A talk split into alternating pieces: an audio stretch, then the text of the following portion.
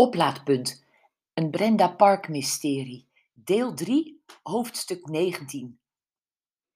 En vandaag waren zij en Robert op pad in de heuvels van het Monchique-gebergte. Brenda's lievelingsplek. Na alles wat er beneden aan de kust was gebeurd, was dit een zorgeloos paradijs.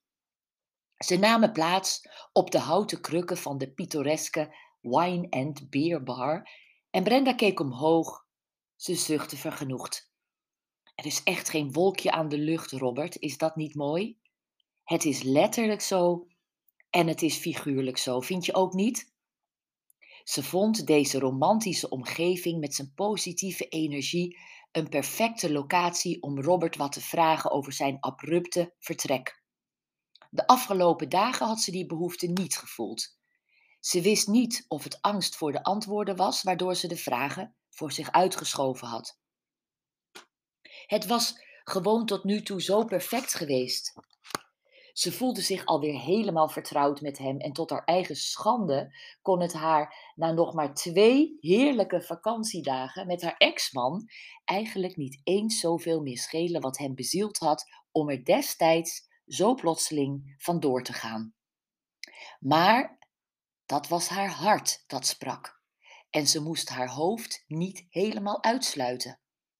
Ze wist weliswaar zeker dat er geen andere vrouw in het spel was geweest, maar wat dan wel?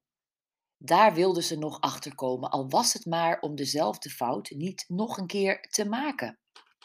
Dat zij zelf een aandeel had in zijn onverwachte en onaangekondigde verdwijnen, wist ze heus wel.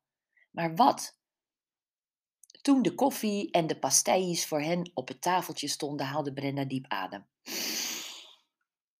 Robert, alsof hij al in haar stem hoorde dat ze hem iets serieus ging vertellen, zette hij zijn kopje neer en ging achteruit zitten. Ja, hij klonk op zijn hoede. Ik ben nooit gestopt met van je te houden, dat weet je, hè? Robert vouwde zijn armen over elkaar en keek haar recht aan. Ja, dat weet ik, Bren. Er is voor mij ook geen dag geweest dat ik niet aan jou dacht, dat weet je ook, hè? Waarom ben je dan weggegaan?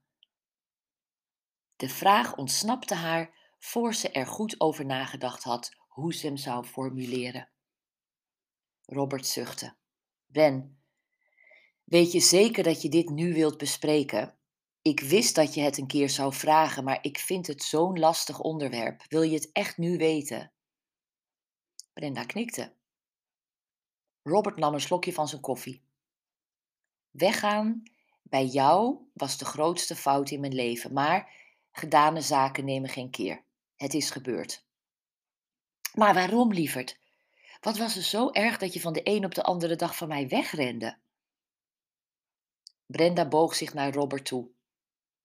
Ik hoop dat ik onze heerlijke tijd hier niet verpest door deze vraag te stellen, maar ik moet het weten. Ik wil niet in onzekerheid zitten of het met mij te maken had of. Nee! Robert onderbrak haar met luide stem en geschrokken sloot Brenda haar mond. Nee, het had niets met jou te maken. Het was de relatie. Ik had het je veel eerder moeten zeggen, maar hij benauwde me zo. Het was mezelf verliezen of jou verliezen en ik kon er mijn vinger niet op leggen wat het nou was. Er waren situaties waar jij nonchalant over deed, maar die voor mij bloedserieus waren. Er waren momenten dat ik je niet wilde teleurstellen, met je meeging naar feestjes, terwijl ik van binnen doodging van ellende. Ik maakte me zorgen om mijn financiële situatie toen ik boventallig werd verklaard, op mijn werk. En voor mijn gevoel wuifde jij die bezorgdheid zomaar weg.